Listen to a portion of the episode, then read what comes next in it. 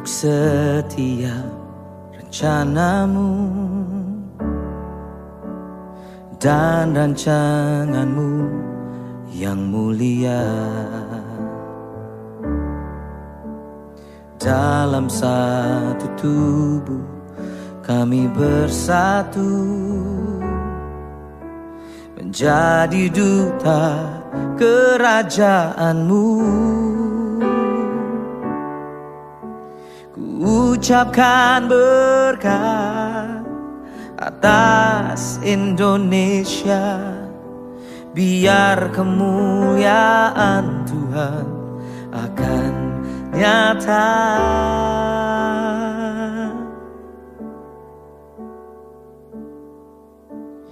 Bagi bangsa ini kami berdiri dan membawa doa kami kepadamu. Sesuatu yang besar pasti terjadi dan mengubahkan negeri kami. Hanya namamu Tuhan ditinggikan atas seluruh bumi.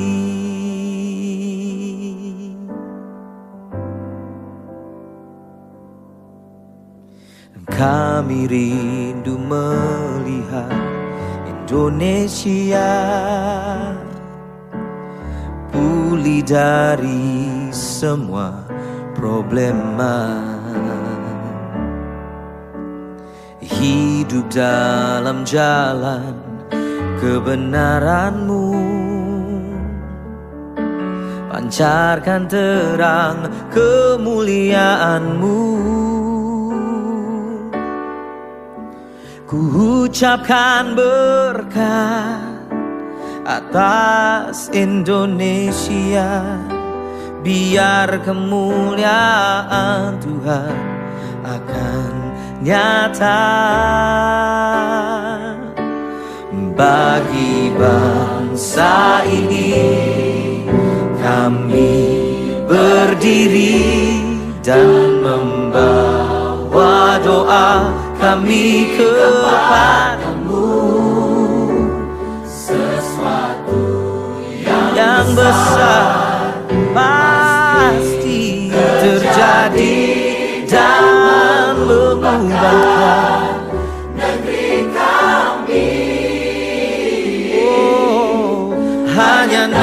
namamu Tuhan ditinggikan atas seluruh bumi. Bagi bangsa ini kami berdiri dan bawa doa kami kepadamu. Sesuatu yang besar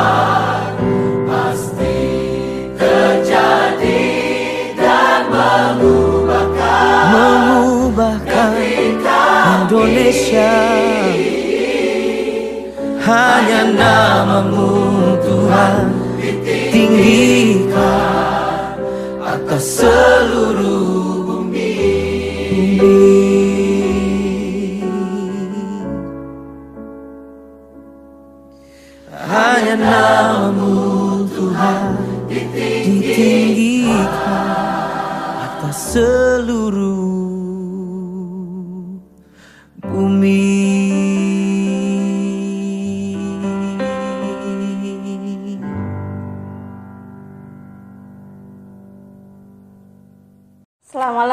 teman-teman yang terkasih dalam Tuhan. Apa kabarnya? Saya berharap kalian dalam keadaan baik dan sehat. Kita kembali belajar bersama-sama dari seorang tokoh yang cukup berpengaruh di dunia, di dalam dia dipakai Tuhan menjadi pemberita Injil, menjadi misionaris yang berjuang bahkan sampai akhir hidupnya, yaitu bernama Johnson. Sebelumnya kita berdoa terlebih dahulu. Apa di surga kami sungguh bersyukur untuk kesempatan bagi setiap kami untuk belajar bersama-sama kembali melalui kebenaran firman Tuhan. Tuhan berkati setiap kami, setiap anak muda-mudi di mana pun mereka berada yang menyaksikan video berikut ini. Terima kasih Tuhan, di dalam nama Tuhan Yesus kami berdoa bersyukur. Amin. Nah, teman-teman yang terkasih di dalam Tuhan, Jong Sung lahir pada tanggal 27 September 1901. Dia lahir di Hongchek, wilayah Hinghua, Provinsi Fujian, Tiongkok. Nah, dia meninggal pada tahun 1944. Jadi dia cukup muda waktu meninggal. Kira-kira umurnya adalah 43 tahun di dunia ini. Tetapi kita melihat bagaimana dia memaknai kehidupan yang singkat di tengah dunia ini selama 43 tahun dan secara khusus ketika dia mengambil suatu keputusan komitmen untuk boleh melayani di ladang Tuhan, untuk boleh memberitakan Injil kepada mereka yang terhirang selama 15 tahun ia melayani dan ia memakai waktu selama 15 tahun itu dengan baik dan memenangkan banyak jiwa untuk kemuliaan nama Tuhan. Johnson adalah anak dari seorang pendeta metodis. Dia adalah anak dari uh, seorang pendeta dan enam bersaudara. Anak dari enam bersaudara begitu. Lalu kemudian kita melihat bahwa Johnson ini adalah otaknya itu sangat cemerlang. Kita melihat bahwa ketika dia lulus SMA lalu kemudian dia melanjutkan studinya ke luar negeri, saudara bayangkan dia mendapatkan gelar doktor kimia, doktor kimia hanya dalam waktu tiga semester. Doktor kimia lagi hanya dalam waktu tiga semester. Wow, Luar biasa otaknya. Lalu kemudian saya membaca sumber lagi. Dalam sembilan bulan dia mendapat gelar Magister Science. Dia banyak mendapatkan uh, medali, dia mendapat berbagai prestasi-prestasi di sekolahnya. Dan dia dikenal dari kejeniusan dan kecerdasan otaknya. Tinggal suatu waktu ia masuk dalam sekolah teologi Lalu kemudian di dalam teologi itu dia melihat dia belajar sungguh-sungguh tetapi yang dipentingkan di dalam sekolah teologi itu adalah liberal. Jadi hanya memainkan sisi intelek saja, hanya memainkan sisi rasionalitas saja sehingga ia mulai berpaling dari kekristenan sama seperti ketika dulu ia mempelajari Buddhisme dan Taoisme. Jadi ia mulai menyanyikan kitab-kitab suci Buddha dalam meditasi di kamarnya dan berharap melalui penyangkalan diri akan membawanya memperoleh damai sejahtera. Lucu ya saudara ya. Kita melihat dia belajar di seminari di fakult di, di di sekolah teologi ya, tetapi justru di dalam belajarnya nilainya tinggi. Orangnya cerdas, tetapi lambat-lambat meninggalkan kekristenan, mulai mempertanyakan. Hingga suatu saat pada 10 Februari ia mengalami pertobatan sejati. Ya benar-benar sungguh-sungguh percaya kepada Tuhan Yesus. Dia benar-benar mengalami dan mengenal siapa itu Tuhan Yesus. Dan ia sungguh-sungguh melalui dari situ berpijak dari situ ia juga kembali ke negaranya di Cina, lalu kemudian di dalam perjalanan di kapal begitu dia membuang semua ijazah-ijazahnya. Ia membuang semua hal yang dia dapat selama dia belajar, kecuali kecuali begitu ijazah doktornya yang telah ia perjuangkan demi menyenangkan ayahnya. Saudara, kenapa ia membuang semua ijazah-ijazah dan medali-medali serta tanda keanggotaannya dalam organisasi-organisasi yang ada yang terkenal? Ia berkata bahwa ini semua tidak ada apa-apanya ketika dia mengenal dan percaya kepada Kristus. Mulai dari situ ia sangat giat menceritakan Kristus kepada teman-temannya, kepada orang yang bertemu dengan dia sehingga suatu waktu orang mengira jangan-jangan Johnson ini sakit jiwa. Jangan-jangan dia gila karena sangat rajin belajar. Karena fokusnya adalah belajar, belajar dan belajar. Karena terlalu dipaksakan dan dia mengalami psikopat sehingga saudara ia dimasukkan ke dalam rumah sakit jiwa. Jadi karena dia rajin menceritakan Tuhan Yesus kepada teman-temannya, orang-orang meng, mengira oh jangan-jangan dia gila, psikopat sehingga dia dimasukkan ke dalam ke dalam rumah sakit jiwa. Nah, selama 91 193 hari di rumah sakit itu, di rumah sakit jiwa itu, saudara apa yang dilakukan oleh Johnson? Apakah dia diam saja? Apakah dia cuma berdiam diri dan meratapi nasibnya? Tidak, saudara. Selama 193 hari dia di dalam rumah sakit jiwa itu sebanyak 40 kali yang membaca Alkitab dari perjanjian lama sampai perjanjian baru. Dari kitab kejadian sampai kitab wahyu. Bayangkan ya, 40 kali. Ya bolak-balik membaca dari kitab kejadian sampai kitab wahyu. Bahkan ia keluar dari rumah sakit itu membawa 40 naskah eksegese dalam bahasa Inggris dan Mandarin. Dia sungguh-sungguh menggunakan waktu di dalam rumah sakit jiwa itu untuk apa? Berdoa, untuk menelaah, untuk membaca firman Tuhan dan juga untuk menafsirkan beberapa ayat Alkitab. Saudara, itulah Johnson. Lalu kemudian kita bertanya apa sih yang kita pelajari dari kehidupan Johnson kalau beri, kalau begitu. Mari kita buka Alkitab kita dari Filipi pasal 3 ayat 7 sampai 8. Filipi pasal 3 ayat 7 sampai 8. Tetapi apa yang dahulu merupakan keuntungan bagiku, sekarang kuanggap rugi karena Kristus.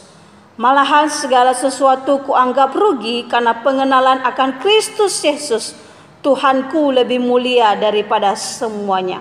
Oleh karena dialah aku telah melepaskan semuanya itu dan menganggapnya sampah supaya aku memperoleh Kristus.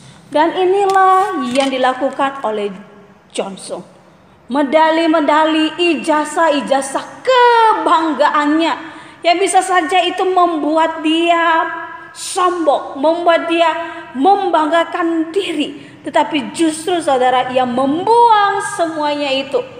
Dan dia berkata, Kristus lebih mulia daripada segalanya. Apa yang perlu kita pelajari? Yang pertama adalah cinta Johnson kepada Tuhan. Melebihi apa pun yang berharga di dalam hidupnya kasihnya kepada Tuhan, cintanya kepada Tuhan sungguh nyata dan itu melebihi, itu berharga di dalam hidupnya melebihi apa pun. Tidak bisa dibandingkan dengan apa pun. Sehingga segala prestasi demi prestasi yang diraihnya, yang berkata itu tidak apa-apa, itu tidak seberapa dengan Kristus yang telah menyelamatkan aku dengan Kristus yang aku layani. Yang kedua, ia juga setia dalam berdoa. Saudara, sepanjang hidupnya dia selalu berdoa. Bangun pagi-pagi dia berdoa. Di mana ada waktu dia selalu menempatkan diri, menyempatkan dirinya untuk berdoa. Bahkan dia berkata di akhir hayat hidupnya sebelum dia meninggalkan dunia ini dia berkata bahwa hal yang dilakukan gereja sekarang ini, hal yang patut dilakukan oleh orang-orang Kristen pada zaman yang akan datang adalah lebih banyak berdoa, lebih banyak berlutut. Lalu kemudian dia juga setia membaca dan merenungkan firman Tuhan. Ada satu sumber yang mengatakan bahwa setiap hari dia membaca 11 pasal saudara. Beberapa pasal dia bisa baca dalam sehari itu. Jadi dia menggunakan waktu sebaik mungkin untuk berdoa, untuk membaca, dan juga merenungkan firman Tuhan. Bahkan ada yang mengatakan dia tidak ada waktu untuk membaca buku-buku lain selain firman Tuhan. Bagaimana dengan kita? Apakah kita juga mencintai firman yang kita miliki, Alkitab yang kita punyai? Ataukah kita menutupnya dan tidak membukanya sama sekali, tidak mempelajarinya apalagi untuk melakukannya. Yang ketiga, semangat Johnson dalam memberitakan Injil kepada mereka yang terhilang. Di berbagai belahan dunia secara khusus Cina, Tiongkok, lalu kemudian bahkan dia sampai ke Indonesia pada tahun 39 dia memberitakan Injil. Ada banyak orang Indonesia yang terberkati oleh pelayanan Jongsu di Surabaya, di Ambon, di Jawa Tengah.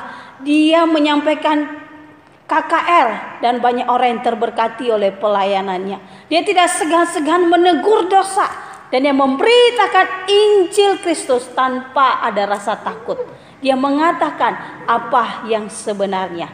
Jadi bahkan ada yang mengatakan bahwa John Inti adalah obor Asia.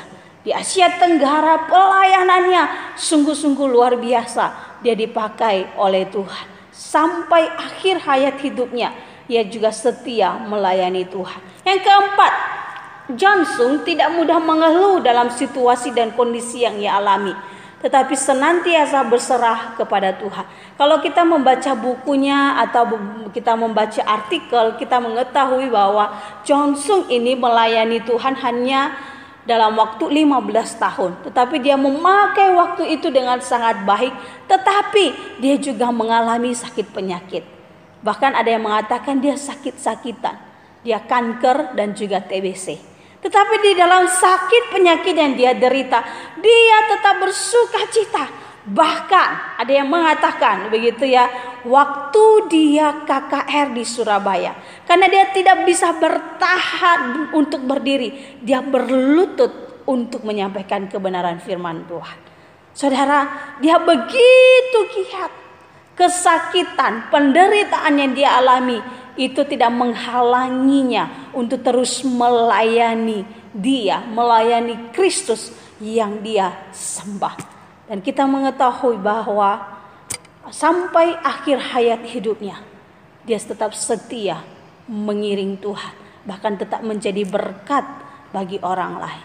Saudaraku yang terkasih dalam Tuhan, biarlah kehidupan Johnson boleh juga terus kita teladani terus pelajari, oh, apakah kita mencintai Tuhan lebih dari apa yang kita miliki?